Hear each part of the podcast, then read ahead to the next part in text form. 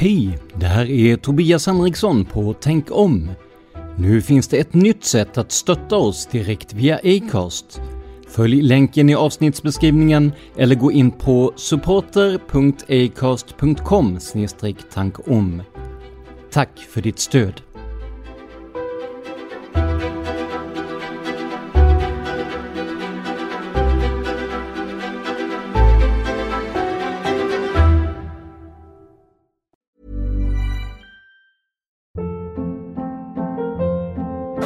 Hold up. What was that? Boring. No flavor. That was as bad as those leftovers you ate all week. Kiki Palmer here, and it's time to say hello to something fresh and guilt-free. Hello Fresh. Jazz up dinner with pecan-crusted chicken or garlic butter shrimp scampi. Now that's music to my mouth. Hello Fresh. Let's get this dinner party started. Discover all the delicious possibilities at hellofresh.com.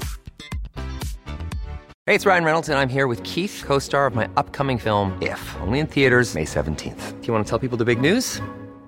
All right, I'll do it. Sign up now and you'll get unlimited for $15 a month in six months of Paramount Plus Essential Plan on us. Mintmobile.com slash switch. Upfront payment of $45 equivalent to $15 per month. Unlimited over 40 gigabytes per month. Face lower speeds. Videos at 480p. Active Mint customers by 531.24 get six months of Paramount Plus Essential Plan. Auto renews after six months. Offer ends May 31st, 2024. Separate Paramount Plus registration required. Terms and conditions apply if rated PG.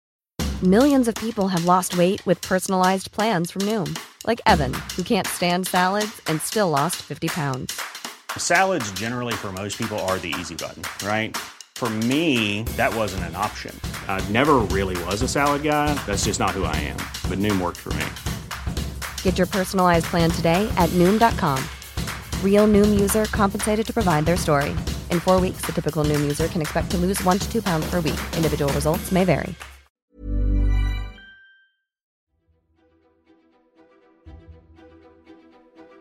En pedofilring, en pizzeria, läckta e-postmeddelanden och en sju helsikes konspirationsteori.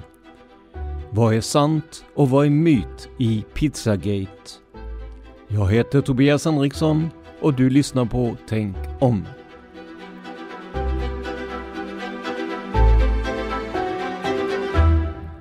Välkomna till Tänk om, en podcast som granskar konspirationsteorier och myter. Nu är vi äntligen tillbaka med nya avsnitt och att det dröjt beror helt enkelt på att jag ensam har drivit podden sedan starten, vilket i sin tur gjort att jag inte riktigt hunnit med. Det är därför vi från och med den här nystarten har en helt suverän manusförfattare som hjälper oss, nämligen Jenny Sterner. Ni som lyssnat på Dan Hörnings poddar känner till Jenny som en av de mest flitiga och duktiga manusförfattarna till bland annat Seriemördarpodden och Massmördarpodden. Men från och med det här avsnittet kommer hon alltså även att skriva åt Tänk om, vilket vi såklart är jätteglada för. Idag ska vi alltså prata om Pizzagate och manusförfattare Jenny vill börja med en disclaimer. Ämnet detta handlar om är fruktansvärt och vidrigt.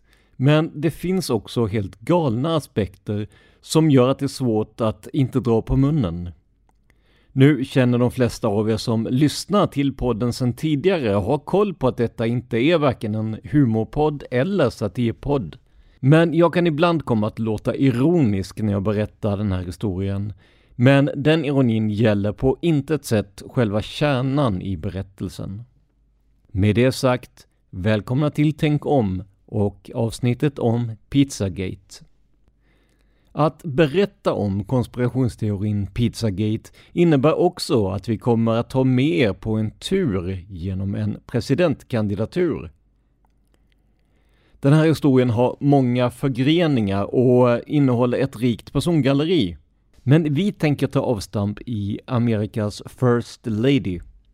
Hillary Clinton, USAs före detta och tidigare First Lady, hade efter en lång och strävsam karriär som advokat, diplomat och amerikansk demokratisk politiker som senator för New York nått en riktig milstolpe. Året var 2008 och Barack Obama hade precis vunnit det amerikanska valet. Hillary hade varit det demokratiska partiets andrahandsval som sin utrikesminister ville den nye presidenten Obama ha sin tidigare konkurrent. Efter att ha funderat ett tag så tackade hon ja. Det var hon som borde varit president. Hon hade gjort allt hon kunde för att vinna det demokratiska partiets förtroende. Och deras förtroende hade hon. Men partiets förtroende för Obama hade varit större. Den 20 januari 2009 svors Barack Obama in som president och dagen efter röstade senaten för Hillary som utrikesminister med siffrorna 94 mot 2. Med senatens fulla förtroende i ryggen tog sig Hillary Clinton an sitt nya ämbete. Åren gick. Efter två mandatperioder som president hade det blivit dags för Obama att lämna över presidentskapet till någon annan. Det var 2016 och presidentkampanjen inför höstens val var i full gång. Hillary var nu inte kandidat till posten som utrikesminister för Demokraterna.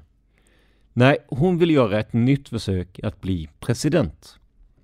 Och hon hade stöd av det demokratiska partiet och miljontals amerikanska väljare.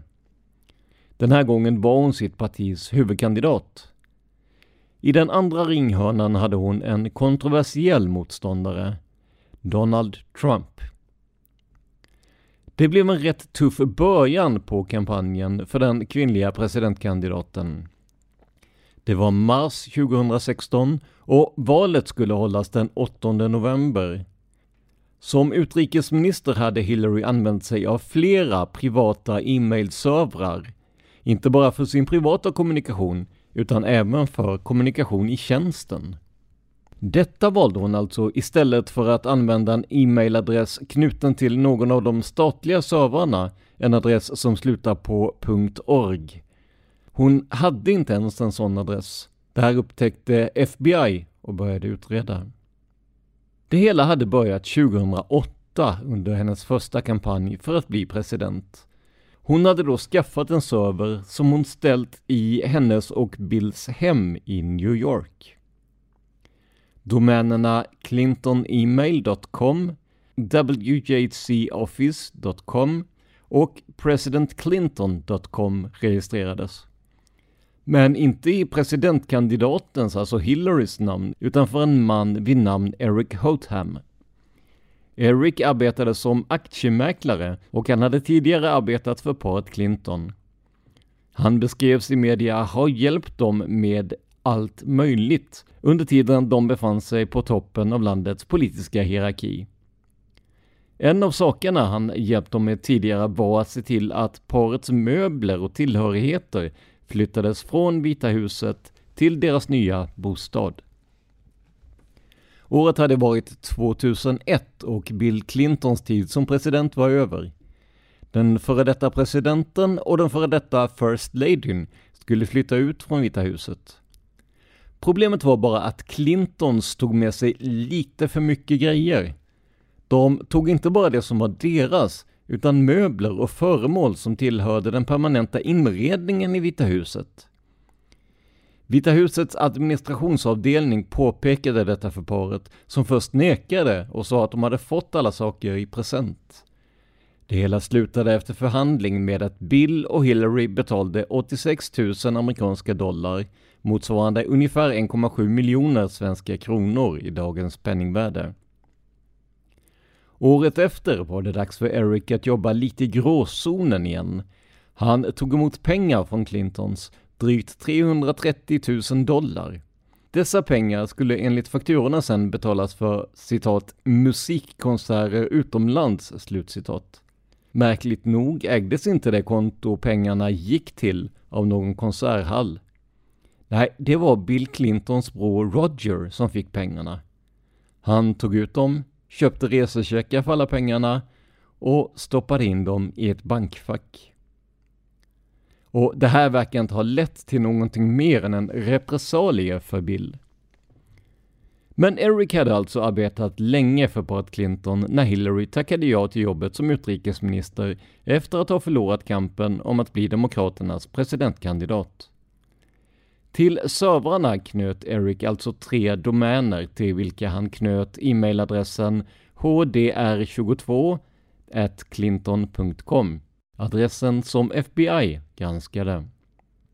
Förutom att Hillary hade använt en privat e-postadress och server hade hon ofta använt sin Blackberry-telefon för att skicka e-mail. Det var ytterligare en säkerhetsrisk. Den typen av kommunikationsmedel har inte samma säkerhet och brandväggar som en dator. Ja, i alla fall oftast. Det fanns i alla fall då en typ av Windows-telefon som var tänkt att användas just till statsanställda som arbetade under sekretess. Hillary hade dock långt tidigare sagt nej till att använda en sån. Hon gillade sin Blackberry och det tänkte hon inte kompromissa om. FBI hade nu fått 30 000 e-postmeddelande att gå igenom. Ytterligare 31 000 mejl hade Hillary raderat och sagt att de var av privat karaktär. Och här är det oklart om även de gicks igenom. Utredningen visade att 110 e-postmeddelanden med hemlig information hade skickats till och från Hillarys privata e-postadress. Av dem var 65 stycken rubricerade som ”hemligt” och 22 stycken som ”topphemligt”. När FBI var klara med sin genomgång hade de hittat 2093 mejl som de bedömde innehålla hemlig information.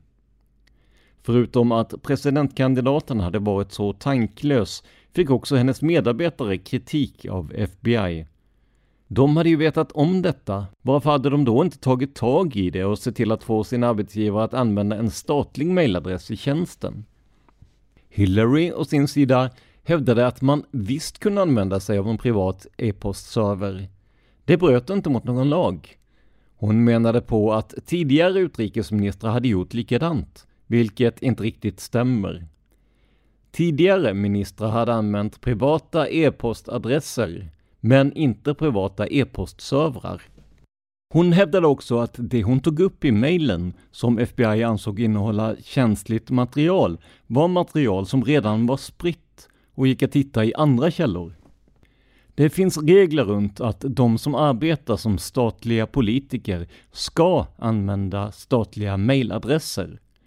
Anledningen till detta är inte bara det ovanstående, att det kan vara lättare att information läcker eller hackas från en privat mejladress som ligger på en privat server. I Sverige har vi samma krav. Alla e-postmeddelanden som kommer in till en myndighet ska diarieföras och kunna lämnas ut som offentlig handling vid en begäran.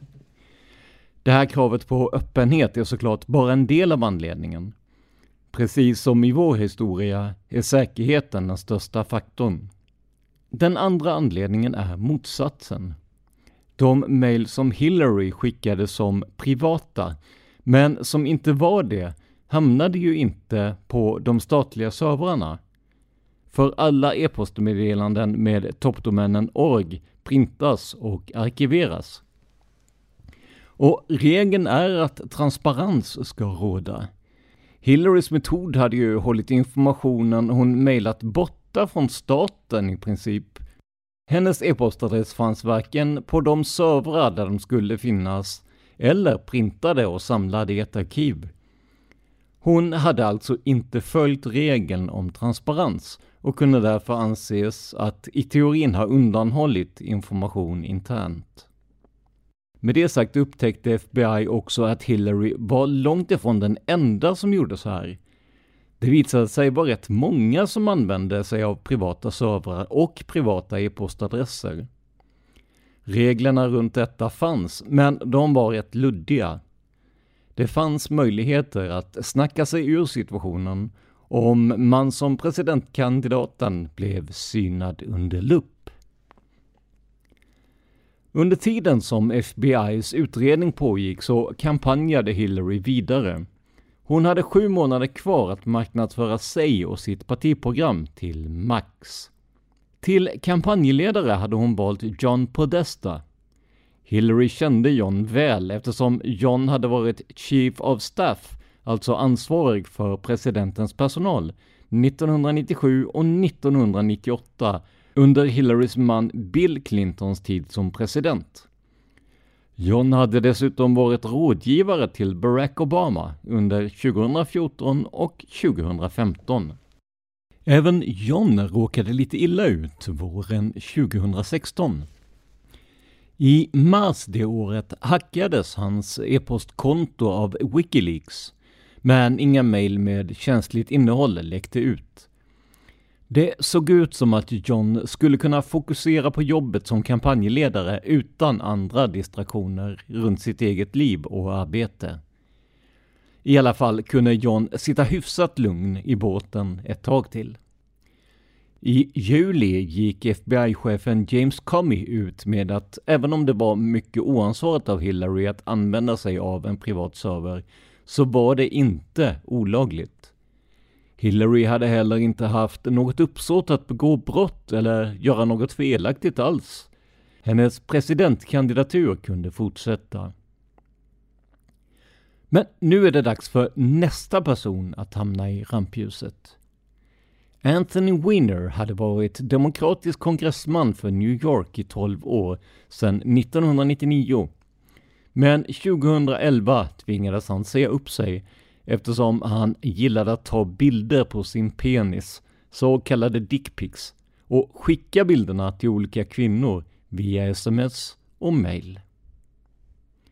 Anthony fotade sig själv med kalsongerna på, men det var ändå helt tydligt vad fokus i bilderna var. Och när vi säger att han tog bilderna med kalsongerna på så pratar jag om de bilder som är verifierade, där det är säkerställt att det är han på bilden och att det är han själv som har skickat bilderna. När man söker på internet, ja då står det att han även skickat helt avklädda bilder och det här gör ju att det hade varit jätteintressant att se manusförfattaren Jenny Sternes sökhistorik efter det här onekligen. Nåja, det finns även bilder på hans penis utan kläder. Om det nu är hans penis. För som ni vet, allt man läser och ser på internet är inte sant.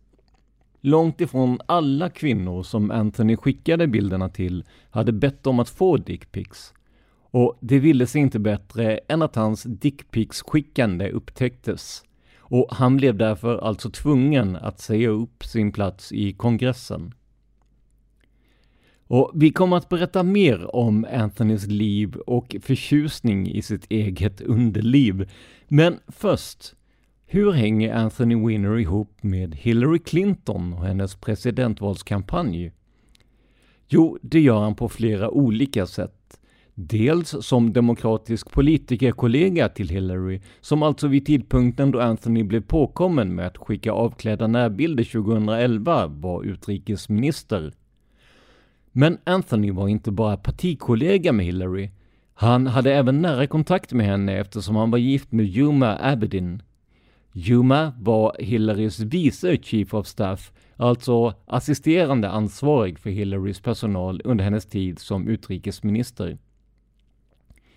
Juma och Hillary har en mycket nära kontakt. Hillary hyste en enorm respekt för Juma både som person, politiker och kollega. Hillary ska också ha sagt att om hon skulle ha fått en dotter till, alltså efter Chelsea Clinton, så skulle hon velat att dottern skulle heta just Juma. Juma och Anthony hade gift sig 2010. Bill Clinton vigde dem. På våren 2011 upptäckte Juma att hon var gravid. Och strax därefter hade Anthony som sagt blivit påkommen med att skicka dickpics. Vi vet inte hur länge han hållit på att skicka oönskade bilder till kvinnor, men det vi vet är att han den 27 maj 2011 slant på tangenterna när han skulle skicka nästa bild. Istället för att smsa eller mejla iväg fotot råkade Anthony av misstag publicera det på sitt Twitterkonto. Han la alltså ut sina privata delar för hela världen att se. Anthony upptäckte misstaget snabbt och raderade tweeten. Men självklart var det många som hann se bilden innan den togs bort. Och när Anthony därefter blev påhoppad av journalister sa Anthony, som så många andra politiker har gjort, både före och efter honom. Han sa att hans Twitterkonto blivit hackat. Men det räckte inte, för även om det hade blivit hackat, vilket det med största sannolikhet inte hade blivit, men om, ja då hade han ju trots allt fotat sin egen penis. Det var en märklig sak att göra för en offentlig politiker. Det var osmakligt helt enkelt. Det var illa nog för att Anthony skulle tvingas avgå från kongressen, även om han rent formellt avgick frivilligt. Sex månader senare, i december, föddes Yuma och Anthonys son Jordan. Och om det nu är någon som tvivlat på det, så ska vi påminna er om att det kan vara ett brott att skicka oönskade nakenbilder till folk. Om du råkar ut för det här så bör du blockera personen i fråga och sen ta en skärmdump som bevismaterial. Du kan också överväga att göra en polisanmälan. Om du själv skickat oönskade bilder, tänk på att det kan vara brottsligt. Med andra ord, sluta med det innan du blir polisanmäld. Men Anthony tänkte inte låta sig nedslås av sin dalande karriär. Han var en positiv man som trodde på sig själv. Detta trots att han åkt fast för att tweeta ut dickpics och för att han inte verkar ha varit en särskilt omtyckt kollega. Under Anthonys tid i kongressen skrev The New York Times en artikel om honom där de intervjuat Anthonys medarbetare. Enligt dem var han en intensiv chef som krävde nästan omöjliga saker. Han skrek på sina kollegor och det hade vid flera tillfällen hänt att han kastat möbler in i väggar när han varit arg. Hans personalomsättning var enormt hög. Personerna som hade varit anställd som hans närmaste man hade sagt upp sig tre gånger under 18 månader.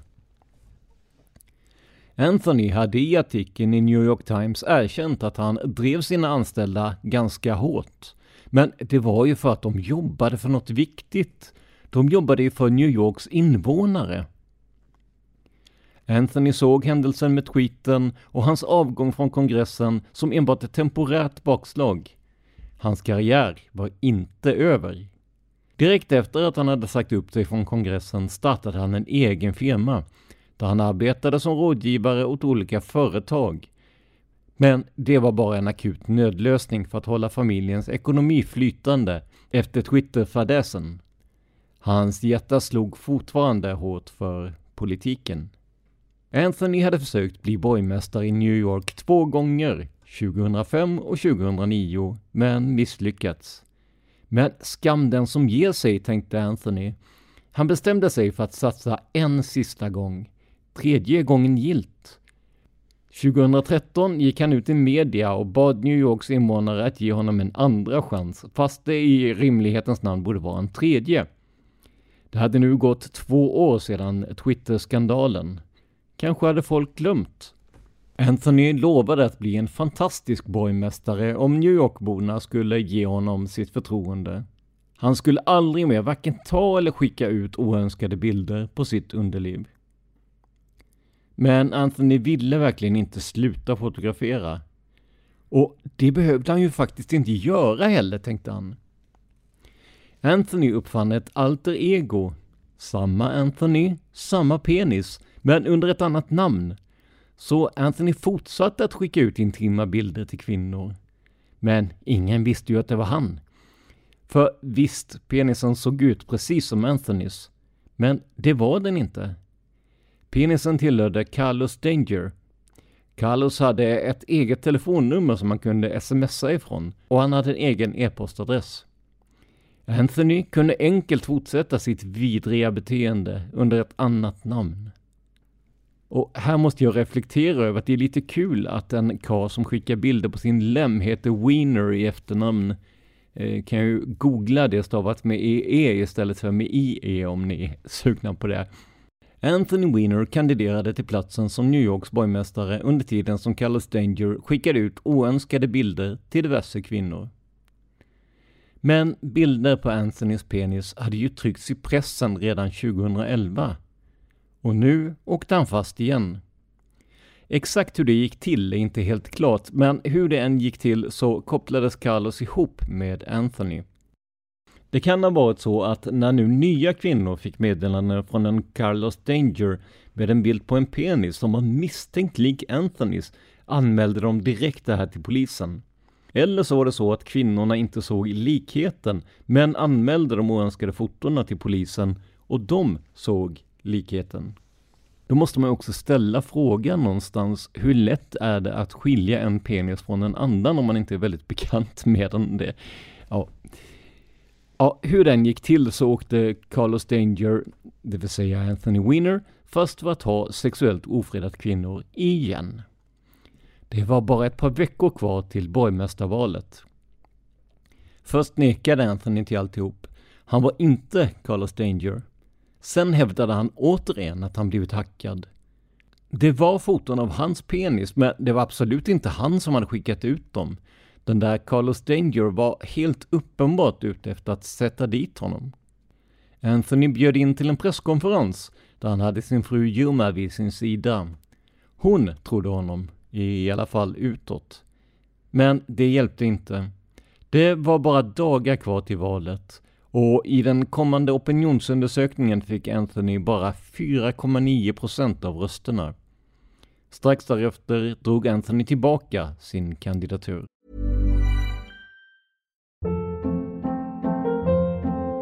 Hold up. What was that? Boring. No flavor. That was as bad as those leftovers you ate all week. Kiki Palmer here, and it's time to say hello to something fresh and guilt-free. Hello Fresh. Jazz up dinner with pecan-crusted chicken or garlic butter shrimp scampi. Now that's music to my mouth. Hello Fresh. Let's get this dinner party started. Discover all the delicious possibilities at hellofresh.com. Hey, it's Ryan Reynolds, and I'm here with Keith, co star of my upcoming film, If, only in theaters, May 17th. Do you want to tell people the big news? All right, I'll do it. Sign up now and you'll get unlimited for $15 a month in six months of Paramount Plus Essential Plan on us. Mintmobile.com slash switch. Upfront payment of $45 equivalent to $15 per month. Unlimited over 40 gigabytes per month. Face lower speeds. Videos at 480p. Active Mint customers by 531.24 get six months of Paramount Plus Essential Plan. Auto renews after six months. Offer ends May 31st, 2024. Separate Paramount Plus registration required. Terms and conditions apply if rated PG. I'm Sandra, and I'm just the professional your small business was looking for. But you didn't hire me because you didn't use LinkedIn jobs. LinkedIn has professionals you can't find anywhere else, including those who aren't actively looking for a new job but might be open to the perfect role, like me. In a given month, over 70% of LinkedIn users don't visit other leading job sites. So if you're not looking on LinkedIn, you'll miss out on great candidates like Sandra. Start hiring professionals like a professional. Post your free job on linkedin.com/achieve slash achieve today. Åren gick. Anthony jobbade på med annat. Han behövde ju försörja sig. Men han kunde fortfarande inte förmå sig att sluta skicka lättklädda bilder. Och nu är vi framme vid 2016 och alltså tillbaka hos Hillary Clinton och hennes presidentvalskampanj. Juma, som ju varit vice personalansvarig när Hillary var utrikesminister, hade nu fått förtroende att vara assisterande kampanjledare för Hillarys presidentkampanj. Juma assisterade alltså kampanjledaren John Podesto, mannen vars mejl blev offentliggjorda av Wikileaks i början av 2016. Juma var mycket glad över att få jobba ihop och för Hillary, men i privatlivet hade Juma det fortsatt jobbigt. I augusti 2016 kom det fram att Anthony hade skickat ytterligare minst en bild på sin penis till minst en kvinna. Och den här gången var det ännu värre än tidigare, för nu såg man inte bara hans lättklädda underliv på bilden. I bakgrunden av sängen såg man Anthonys och Jumas femårige son Jordan. Det var droppen. Juma hade fått nog och lämnade Anthony.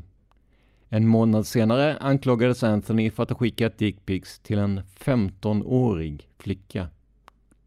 Ja, nu är det dags att lämna Anthony en liten stund. Han är nämligen inte den enda personen med tveksam etik och moral i den här historien. Det är dags att presentera Jeffrey Epstein. Ett namn de flesta numera känner till. Jeffrey hade haft en varierande karriär. Han hade börjat sin bana som lärare på universitetet innan det upptäcktes att han själv inte hade någon universitetsexamen. Jeffrey fick sparken. Efter det arbetade han inom bankvärlden, inom finans och media. Epstein hade under åren byggt upp en stor förmögenhet och genom alla sina kontakter var han en man med makt. 2008 hade den då 55-årige Jeffrey blivit dömd för att ha förmedlat en minderårig för prostitution och begagna en prostituerads tjänster. På engelska heter de här uttrycken procuring a child for prostitution och soliciting a prostitute. Och de här åtalen och domarna är lite missvisande, skriver manusförfattare Jenny Sterner, eftersom det handlade om en 14-årig flicka som tre år tidigare, 2005, blivit sexuellt ofredad av Jeffrey. Och vi kan ju tillägga att i och med att det här rör sig om ett barn under 15 år så är det mycket möjligt att man skulle se det som våldtäkt i Sverige eller sexuellt ofredande av barn och därmed som allvarligare än vanligt sexuellt ofredande om man nu kan säga så. Hur som helst, Epstein fick tillbringa 13 månader i fängelse. De här två domarna var långt ifrån allt han var misstänkt för. Polisen hade identifierat 36 flickor från 14 år gamla och uppåt som Jeffrey Epstein hade sexuellt ofredat eller våldtagit. En flicka som heter Virginia Gioffer anklagade Jeffrey för att ha våldfört sig på henne samt sålt henne vidare till andra hebefiler. Och vi säger nu hebefiler och inte pedofiler. Och det här är en distinktion man ibland inte har riktig koll på. Och ärligt talat, det hade inte jag heller. Men kort kan man säga att pedofiler ger sig på barn som inte kommit in i puberteten än. Hebefiler ger sig på barn som kommit in i puberteten men ännu inte är vuxna. I Virginias fall valde hon att göra upp utanför rätten. Det vill säga, hon fick skriva på ett kontrakt om att hålla tyst, vilket hon fick pengar för. Vilket man kan förstå eftersom man då slipper genomgå en fruktansvärd rättegång. Jeffrey hade många vänner och bekanta på höga positioner i samhället. Politiker, skådespelare och andra kända personer. Några av dessa var Bill Clinton, Donald Trump och prins Andrew Hattig av York, alltså drottning Elizabeth av Englands näst äldste son. Jeffrey och faktiskt även prins Andrew kommer att återkomma längre fram i den här berättelsen. Nu var det till slut dags för en polisutredning av vad Anthony höll på med. FBI knackade på hemma hos honom och beslagtog hans dator. Och det är nu vi kommer tillbaka till Hillary. För på Anthonys dator hittades inte bara hans egna grejer utan även kommunikation i form av mail mellan hon som snart skulle bli hans exfru, Juma, och Hillary. Det här var ju dubbelfel. Dels skulle inte Jumas grejer finnas på Anthonys dator. Dels fanns det ju redan lite negativa åsikter om att Hillary använde sig av en privat mailserver. Den 28 oktober gick FBI-chefen James Comey ut med att han skulle öppna upp undersökningen om Hillarys e-post igen. Och nu inte bara med fokus på vilken server hon använde. Det var 11 dagar kvar till valet. Hur mycket mer klarade Hillarys kampanj innan hennes chanser att bli USAs första kvinnliga president raderades ut totalt? Två dagar gick. Den 30 oktober kom nästa så kallade nyhet om Hillary. En person som hette Carmen Katz och som bodde i Missouri la ut ett inlägg på sin Facebook-sida. Som profilbild hade Carmen en bild på sin katt. Hon berättade att hon hade insyn i utredningen av Hillary och hade en källa som avslöjat för henne att den privata servern var presidentkandidatens minsta problem. Carmen satt på hemligstämplad information av den absolut känsligaste graden. Hillary var nämligen medlem av en internationell pedofilring. Den innersta kretsen bestod bland annat av Hillary Clinton, hennes man och ex-president Bill Anthony Weiner och John Podesto. Tillsammans gjorde de resor för att utnyttja barn runt om i landet, ja kanske i hela världen. För att ta sig till de olika platserna lånade de ett privatjet av en av deras bekanta. Det var en känd man som även han var medlem i pedofilringen. Planet kallade de Lolita Express. Enligt Carmen Katz hade Hillary ett väldokumenterat intresse för minderåriga flickor. I tre timmar låg posten uppe på Carmen Katz Facebook-konto. Inlägget fick bara blygsamma sex gilla-markeringar och den spreds alltså inte lika bra som Carmen Katz troligen hade sett fram emot. Men en av personerna som såg inlägget ansåg att det behövde en större plattform. Den här informationen var het. USAs invånare förtjänade att få veta vem en av presidentkandidaterna egentligen var bakom den polerade fasaden. Personen som tog på sig uppdraget att förmedla informationen heter David Goldberg. Han hade en historik av att hänga mycket olika white supremacy-grupper på internet, alltså grupper för vit makt-anhängare. David hade betydligt fler följare än Carmen. Han skärmdumpade Carmens inlägg och skrev i ett Twitterinlägg Rumor stirring in the NYPD that UMS emails point to pedophilia ring and Hillary Clinton is at the center. Och på svenska ber det då alltså att rykten cirkulerar inom FBI om att Jumas e-post pekar på att det finns en pedofilring där Hillary Clinton är navet. Innan David tryckte på publicera la han till den smått ironiska hashtaggen GOHILLary. Den här tweeten fick 5000 likes och 6000 retweets direkt, alltså att man återpublicerar ett Twitterinlägg. Det gick några timmar, fler och fler såg inlägget och det som stod i det vidarebefordrades också från mun till mun.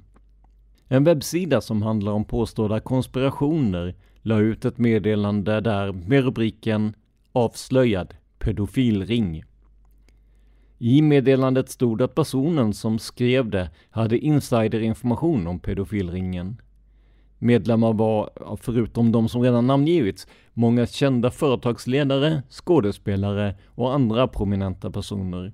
Bland annat påstods sex kongressledamöter vara medlemmar i pedofilringen. Överlag var väldigt många demokratiska politiker medlemmar, Täckmanteln för ringen var The Bill, Hillary and Chelsea Clinton Foundation. Och det här är en stiftelse som grundades 1997 under Bill Clintons tid som president. Det är en icke vinstdrivande organisation som har till syfte att, översatt citat, stärka det amerikanska folket och hela världen för att kunna möta utmaningar i de internationella relationerna. Slutcitat. Fram till och med 2016 hade organisationen samlat in ungefär 2 miljarder dollar, alltså ungefär 20 miljarder svenska kronor. Pengarna användes och används i olika humanitära projekt som organisationen själv driver. Men enligt den som skrev inlägget var organisationen alltså också en täckmantel på den internationella pedofilringen. Nu började fler och fler publicera historien om Hillary, hennes vänner och barnen de utnyttjade. Dagen efter publicerade en webbsida som heter Your Newswire, som anses vara en av internets största plattformar för fake news, en artikel. Samma saker skrevs igen om Hillary, Bill, andra politiker och kända människor som alla tillhörde pedofilringen. Och nu var det här inte längre rykten. Personen som skrivit artikeln hade en riktig källa Ja, det hade ju Carmen Katz också, men hon sa ingenting mer än så, så det kändes inte särskilt trovärdigt. Your Newswire däremot, de hade en källa och inte vilken källa som helst. Källan var agent på FBI. Tyvärr hade skribenten inget namn på personen. Inte för att han inte ville lämna ut det, utan för att han faktiskt inte hade fått något namn av den som tipsade. Skribenten kunde heller inte beskriva hur FBI-agenten såg ut. De hade nämligen inte träffats. Infon som den så kallade journalisten hade fått var i själva verket ett anonymt meddelande av något slag, kanske ett e-postmeddelande, från en server som inte gick att spåra. Personen som skrev meddelandet hade undertecknat med Anonym FBI. Och då förstår man ju såklart att det är en helt legitim FBI-agent som skickat meddelandet. I stora drag var detta innehållet i meddelandet. Paret Clinton var djupt insyltade i pedofilringen. Hillary tog gärna emot bidrag till sin presidentkampanj, vilket såklart alla presidentkandidater gör. Men Hillary tog inte bara in pengar som bidrag. Nej, hon hade verkligen ingenting emot att ta emot barn som betalning istället för pengar. Resten av meddelandet från FBI-agenten var lite ostrukturerat och spretigt. Förutom inom citationstecken avslöjandet av pedofilringen avslöjade agenten även att Bill Clinton skulle dö 2016 och i och med att det här meddelandet kom i november så var alltså slutet nära för Bill. Det stod att Ryssland är ett härligt land och det stod även att citat ”svarta personer är våldsamma och impulsiva, men alla är inte dåliga människor”. Slutcitat. Nu brann det i nyheterna, i alla fall i de delar av media som inte var så kinkiga med att kolla upp sina källor och använda någon slags källkritik. Eftersom det nu bara var drygt en vecka kvar till valet såg Trump och hans presidentkampanj sin chans. De hängde på den så kallade nyheten och gjorde allt de kunde för att smutskasta Hillary i sina egna kanaler. Och eftersom det inte var kul att bara återrapportera den så kallade nyheten började flera andra så kallade journalister plussa på lite i sina egna artiklar. Alla ville ju komma med breaking news. På sajten subjectpolitics.com publicerades en artikel med rubriken “It's over. NYPD just raided Hillary's property. What they found will ruin her life.” Översatt. Det är över. New York-polisen har just gjort en räd i Hillarys bostad. Det de hittade kommer att förstöra hennes liv. Till artikeln hörde ett foto. På fotot syntes två FBI-agenter bärandes på varsin kartong innehållande bevismaterial. De var på väg till en van på vilket det stod Police Crime Scene Unit, alltså kriminaltekniker. Det hela såg riktigt illa ut. FBI hade hittat två fullpackade lådor med bevis för att den internationella pedofilringen existerade. Och de hade hittat bevisen hemma hos presidentkandidaten Hillary. Det var uppenbart att Clinton satt ordentligt i skiten. Det var bara det att fotot subjectpolitics.com lagt ut i samband med artikeln egentligen var en bild som var helt orelaterad till Hillary Clinton eller hennes bostad. Fotot av vanen var inte taget utanför Hillarys och Bills hus, utan var taget på en helt annan plats vid en helt annan tidpunkt. Men för att ändå få läsarna att tro att bilden var kopplad till en räd hemma hos paret Clinton hade en riktigt dålig bild av Hillary klistrats in i fotot av vanen. På bilden ser Hillary otroligt upprörd ut. Och för att ytterligare understryka att den här FBI-räden verkligen hade ägt rum hade röda pilar ritats in från bilden av Hillary pekande ner på de två bevislådorna. Och det hela fortsatte att eskalera. En annan webbplats la till pengatvätt och bedrägeri till anklagelserna. Det har nu gått tre dagar sedan Carmen Katz publicerade sitt inlägg på Facebook som fick sex likes. Vid det här laget hade skribenterna på de olika webbplatserna börjat referera till varandra för att legitimera sina egna artiklar. David Goldberg, som var den som publicerat Carmen Katz Facebook-inlägg på sin Twitter och egentligen var den person som sett till att historien hade börjat spridas som en löpeld, refererade till några av de andra artiklarna och tweetade citat ”Titta, jag hade rätt!” Slutcitat. Som att alla artiklar skrivits oberoende av varandra med hjälp av neutrala källor och inte var copy-paste med hans eh, egen första tweet som enda källa. Hans tweet som byggde på ett tre meningar långt Facebook-inlägg skrivet av en person som inte visade sitt ansikte på sin profilbild. Men många av de amerikanska invånarna och även andra utanför landet tänkte samma sak. Eftersom den här historien fanns med på så många olika webbsidor så måste ju detta vara sant. Däremot rapporterade inte den mer seriösa delen av amerikansk media om det här. Inte dagstidningar, inte TV. Men det spelade mindre roll. Nyheten var ute och även om de flesta förhoppningsvis kan tänka kritiskt och inte litade på de sajter som publicerade nyheten så hade ett frö av tvivel såtts i många av de amerikanska medborgarna.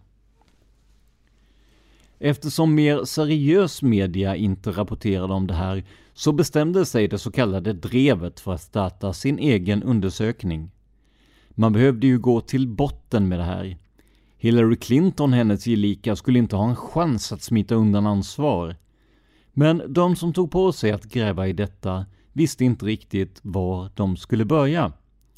FBI ville inte kommentera nyheten. Vad kunde man då använda? Wikileaks hade till slut läckt John Podestos e-postmeddelanden och nu fanns de tillgängliga för alla att läsa. De undersökande journalisterna bestämde sig för att börja där. John var ju trots allt Hillarys kampanjledare. Och materialet visade sig vara en riktig guldgruva. Mailen bevisade att John Podesto var djupt inblandad i pedofilringen och inte såg John mindre skyldig ut av att han skrev i kod. Alltså, vem skriver i kod? Såklart bara de som har något att dölja. John var dock inte något proffs visade sig. Koden var enkel att knäcka för privatspanarna.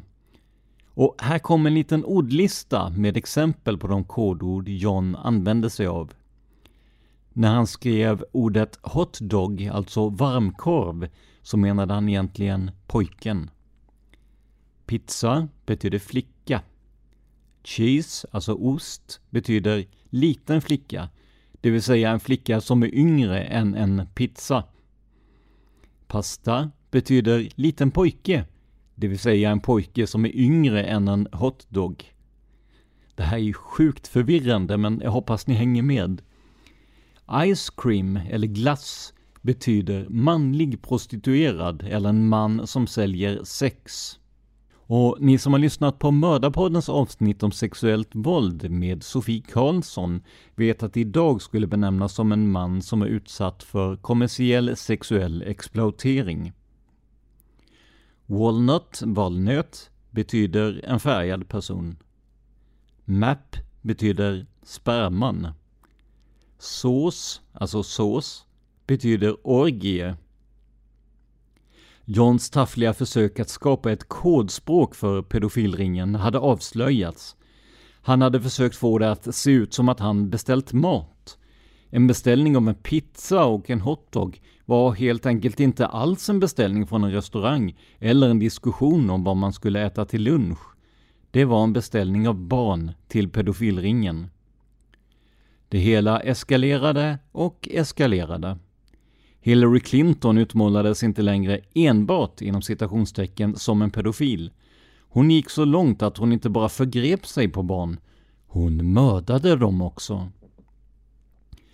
På forumet Reddit, som är en slags nyhetsplattform på internet med ett stort diskussionsforum, startades det en grupp om det som skulle komma att kallas Pizzagate.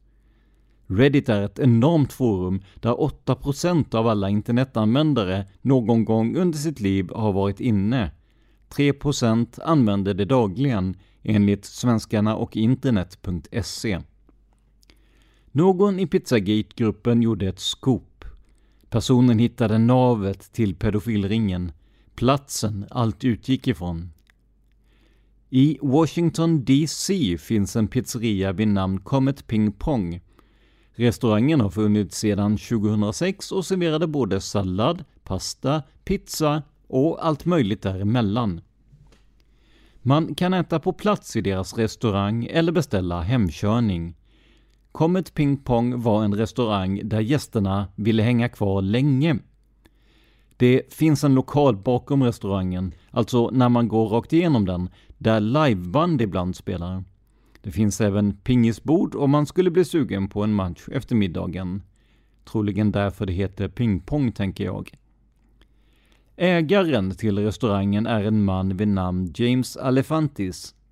James var, och är förmodligen fortfarande, en övertygad demokrat. Han ville gärna dra sitt strå till stacken när det gällde att få en demokratisk president. Ett antal gånger sedan han öppnade restaurangen hade han anordnat välgörenhetstillställningar för att samla in pengar till olika ändamål. Det kan vara till exempel middagar och eller fester där gästerna får köpa biljetter och där pengarna går till till exempel en valkampanj. James hade flera gånger varit värd för den här typen av evenemang, både för att stötta Barack Obamas presidentkandidatur och för att hjälpa Hillary Clinton med sin.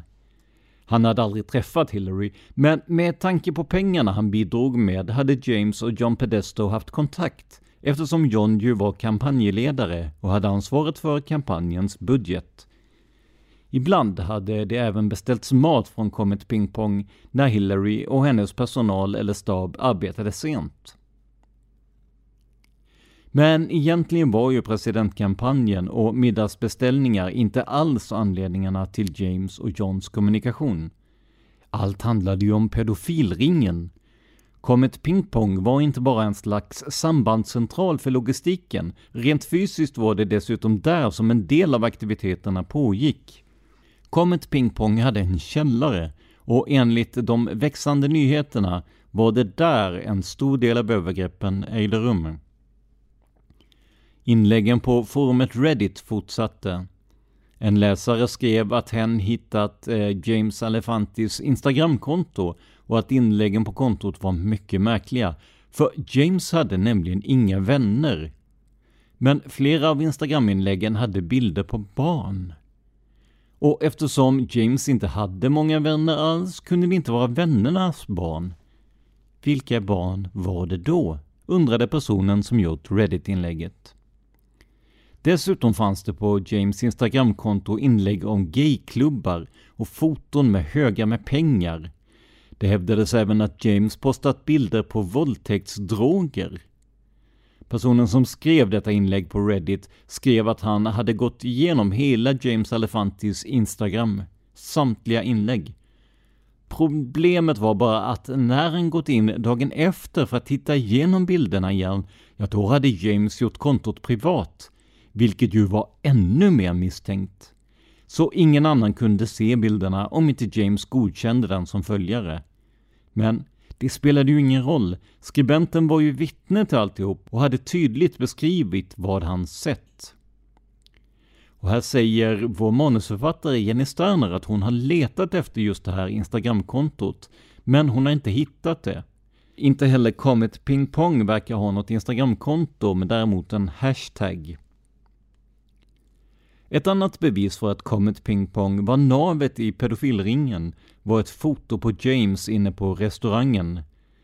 På sig hade han en t-shirt med den franska texten ”J'aime l'enfant”, vilket på svenska betyder ”Jag älskar barn” eller ”Jag älskar barnet”. Dock avsåg texten en annan restaurang som hette just L'Enfant, döpt efter Pierre L'Enfant som är en av Washingtons mest kända arkitekter. Men det spelade ingen roll att vissa av de så kallade bevisen direkt kunde påvisas ha en naturlig förklaring. Det kom nya bevis hela tiden och nu breddades anklagelserna ännu mer. Det hävdades att John Podesta tillsammans med sin bror Tony hade kopplingar till Madeleine McCanns försvinnande i Portugal 2007. Ett ämne som har en hel del konspirationsteorier i sig och som vi kanske kommer att ta upp här i Tänk om. Loggon för Comet Ping Pong sades vara lik symboler som hade med pedofili och satanism att göra.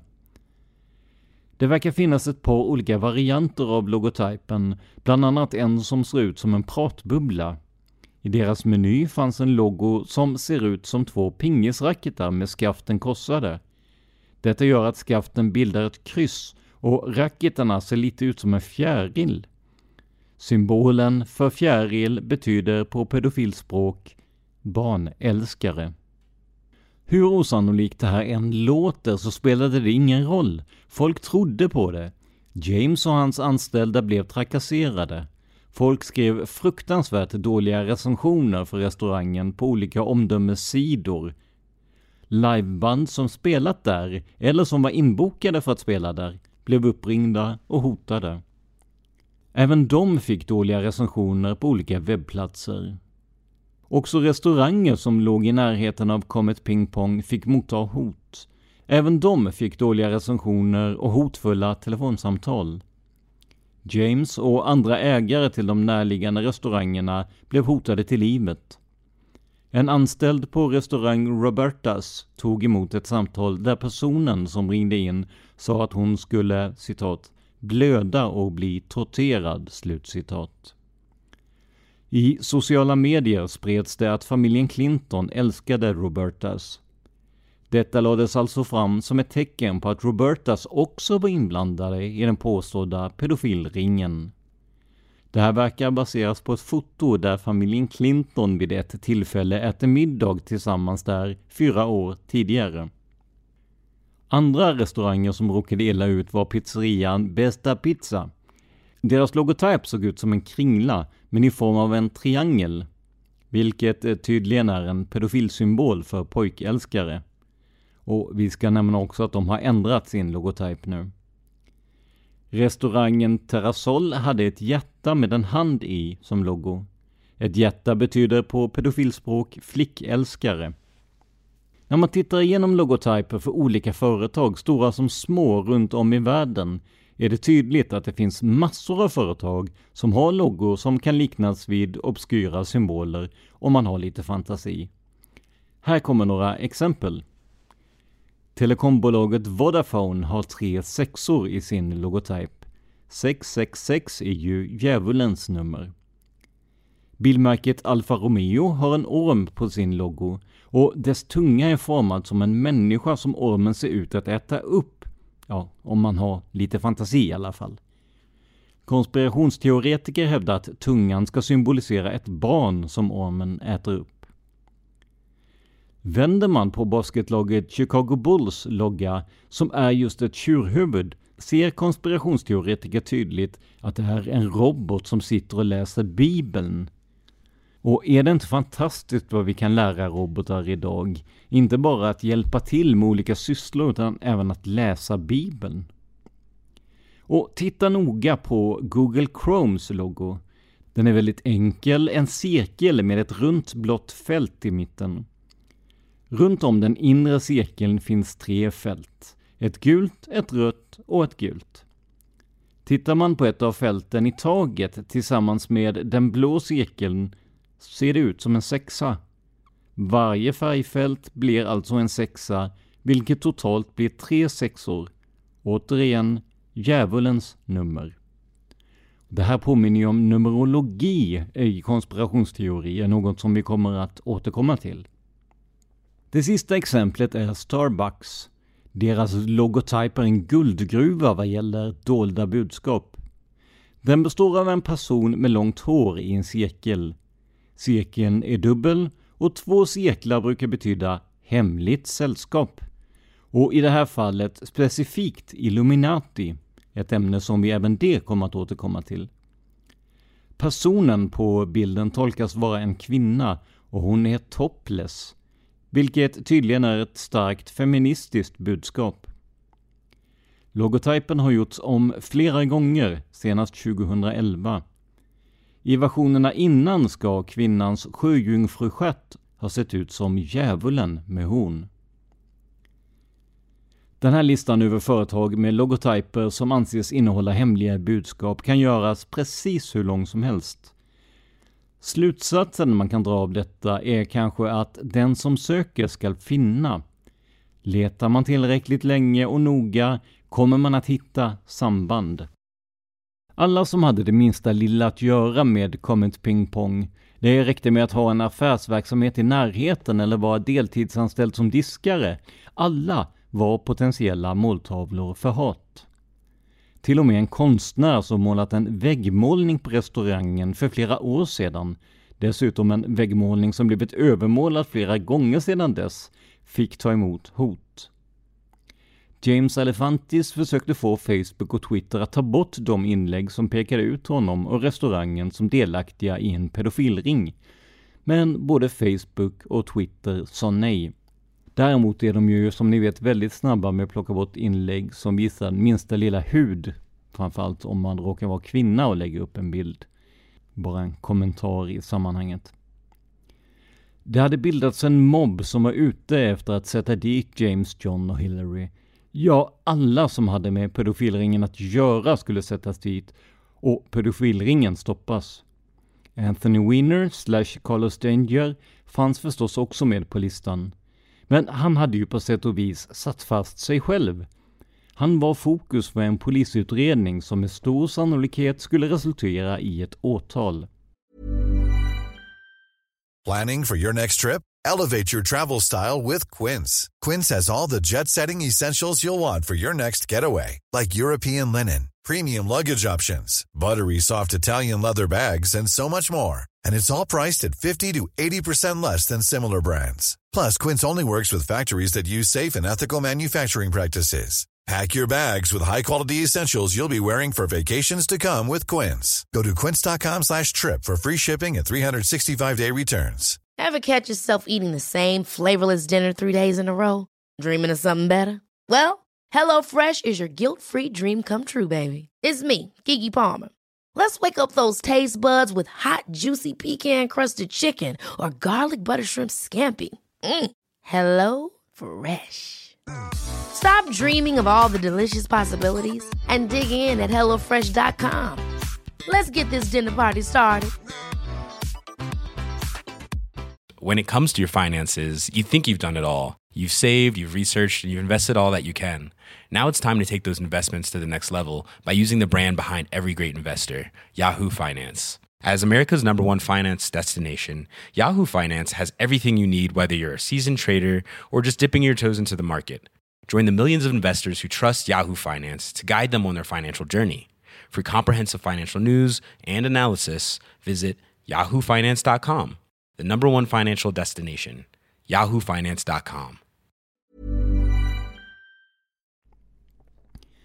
De som luftade sina åsikter om att Pizzagate var på riktigt var oftast anonyma internetanvändare.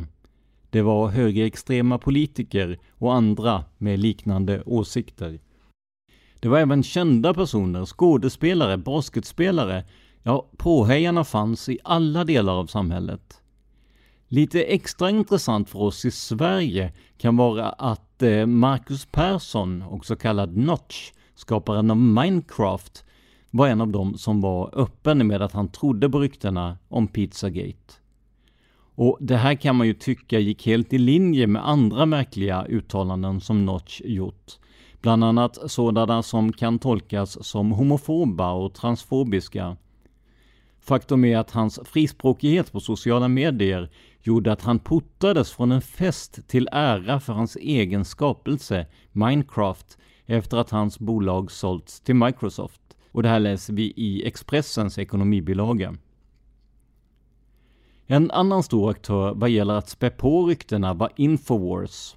De startade 1999 och är en internetsida som drivs av en man som heter Alex Jones. Och honom har jag ju pratat om i tidigare avsnitt.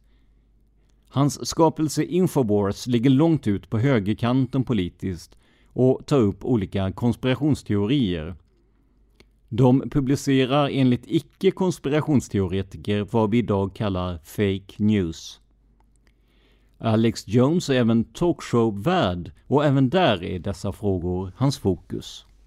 Undersökningar visar att Infowars har ungefär 10 miljoner besökare varje månad, vilket innebär att de har fler besökare än stora, mer seriösa sidor, som till exempel nyhetstidningen Newsweek och den ekonomiska tidskriften The Economist. Alex Jones har sedan starten av Infowars gjort olika utspel där han anklagar bland annat regeringen, om det varit demokrater vid makten vill säga, för olika saker.